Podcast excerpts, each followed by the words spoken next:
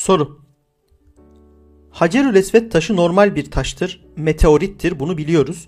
Bu durumda bu taş cennetten düştü demek cenneti uzaya yerleştirmek olmaz mı? Ayrıca asıl adı Kaab olan ki Kabe adı da buradan gelmiştir. Bu taşın Müslümanlarca bu kadar kutsanması putperestlikten kalma bir alışkanlık olarak yorumlanabilir mi? Cevap Öncelikle sorunun içinde birer bilgi olduğu varsayılan önermelerin ilki tartışmalı, geri kalanı ise tümden yanlıştır. Bu ve benzeri konularda rastgele bir kitapta okunan herhangi bir şeyin doğru olmayabileceğinin hatırda tutulması gerektiğini düşünüyoruz. Kabe kelimesinin iddia edilenden çok daha basit ve düz bir anlamı vardır, küp. Evet, Kabe kelimesi sözlükte küp şeklinde veya dört köşeli olmak anlamına gelen bir kökten türemiştir ve kelime olarak da küp şeklinde olan nesne demektir. Bütün Arapça kitaplar, sözlükler, etimolojik beyanlar, ilgili yayınların verdiği bilgiler ve tarihsel kayıtlar bu yöndedir. Kabe ve Kab veya kıble ve kibele kelimeleri arasındaki ses benzerliği bilimsel olarak tek başına herhangi bir bilgi vermez, hiçbir anlama gelmez. İnsan türünün çıkarabildiği ses sayısı veya şu an dünyada kullanılan dillerdeki tüm ses sayılarının toplamı 200'e yakındır ve bunların çoğu varyasyonlardır. Yani kalın H ile ince H sesleri de bu sayıya dahildir. Elbette bazı kelimeler arasında bir benzerlik bulunacaktır ve bu doğaldır. Ancak bu benzerlikler en fazla bir ihtimal gösterir. Gerçek bir delille desteklenmemiş bir ihtimalin ise hiçbir anlamı yoktur. Sonuç olarak diyebiliriz ki hayır, Kabe'nin ismi Kaab kelimesinden gelmediği gibi kıble teriminin de kibele ile ilgisi sadece fonetiktir, ses benzerliğinden ibarettir. Kabe ve Kaab ya da kıble ve kibele arasında somut ve tarihsel bir ilgi kurulmasıyla ilgili bir bilgiye rasyonel olarak ulaşılmamıştır. Dolayısıyla meseleyi Niagara ne yaygara, Amazon ama uzun tipi basitliklere indirgemenin bir anlamı yoktur. Arkeolog, antropolog, tarihçi ya da ünvanı ne olursa olsun herhangi bir bilim insanının böyle bir ilgiyi ihtimal olarak ortaya atması da somut ve tartışmasız bulgular olmadıkça anlamlı değildir. En fazla bir ihtimali gösterir. Böylesi irtibatlar kurmak ve bu irtibatları önemsemek için asli yazılı kaynaklar ciddiye alınabilir ve İslam tarihinin ilk dönemlerine dair asli yazılı kaynaklar görece az olsa da yok değildir.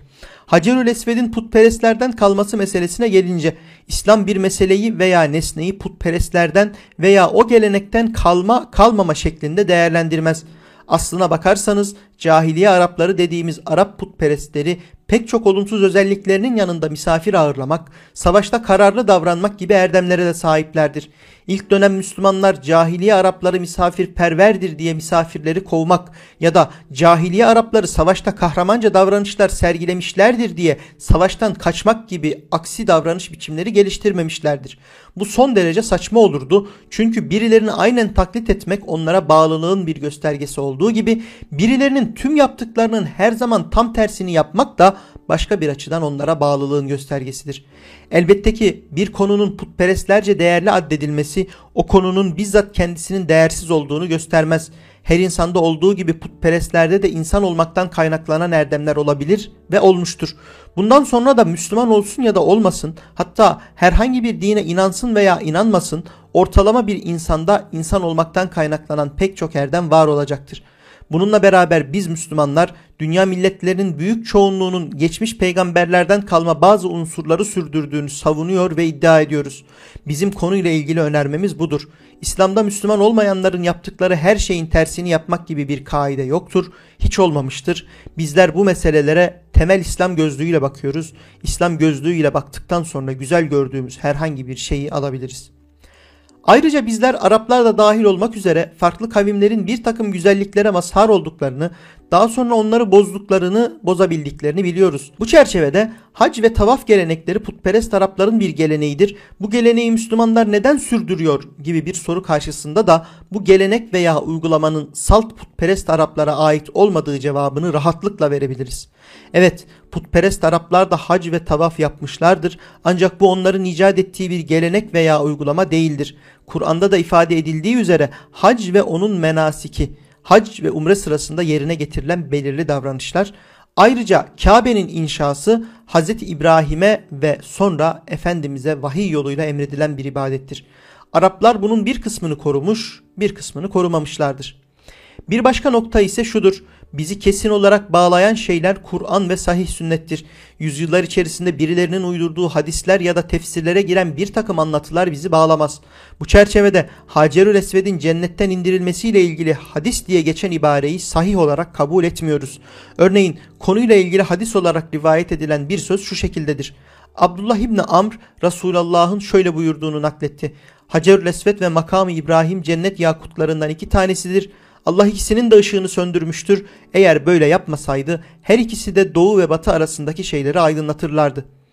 Anlam açısından yukarıdaki hadise benzeyen yani Hacerül Esved'in cennetten olduğunu bildiren toplam 5 adet hadis tespit edilmiş ve bunların hiçbirinin geleneksel hadis usulü kaidelerine göre sahih kabul edilmedikleri anlaşılmıştır. Ancak hem geleneksel hadis usulü kaidelerine göre sahih olan hem de İslam'ın genel anlayışına uygun görünen sahih bir rivayet vardır ki o da şudur. Hazreti Ömer radıyallahu anh bir hac esnasında Hacer Lesved'e yaklaşarak onu öpmüş ve şöyle söylemiştir. Allah'a andolsun ki senin zarar veya fayda vermeyen bir taş olduğunu biliyorum. Eğer Resulullah sallallahu aleyhi ve sellemi seni istilam ederken görmeseydim ben de seni istilam etmezdim. Hacer Lesved'e karşı gösterdiğimiz saygının nedeni budur.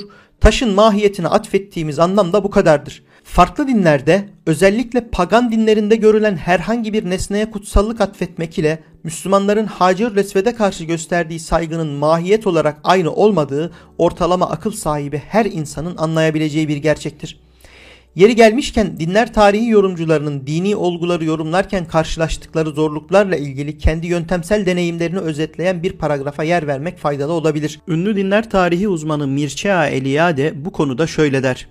Dinsel görüngünün tanımını yapmaya kalkışmadan önce dinsel olguları nerede aramak gerektiğini bilmek ve özellikle bu olgular arasından saf durumda olanlarını yani kökenlerine en yakın olanlarını yalın nitelikte olanlarını ayırmak gereklidir.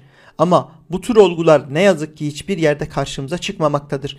Ne tarihlerini en ince ayrıntısına kadar bildiğimiz toplumlarda ne de çok az uygarlaşmış ilkeler arasında. Hemen her yerde karşımıza çıkanlar ise çok uzun bir tarihsel evrim sürecinden geçmiş karmaşık dinsel görüngülerdir.